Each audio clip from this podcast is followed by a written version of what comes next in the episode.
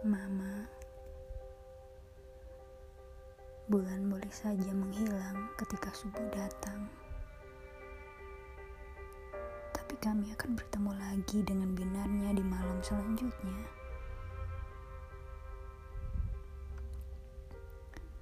Mama mungkin sudah berpulang,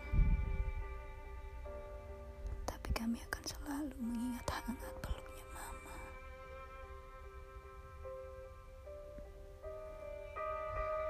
Selamat ulang tahun untuk mamaku tersayang di surga.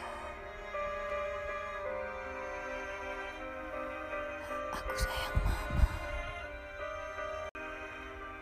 Semoga Tuhan senantiasa mengasihi mama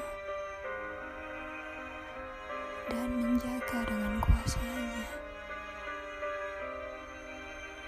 Amin.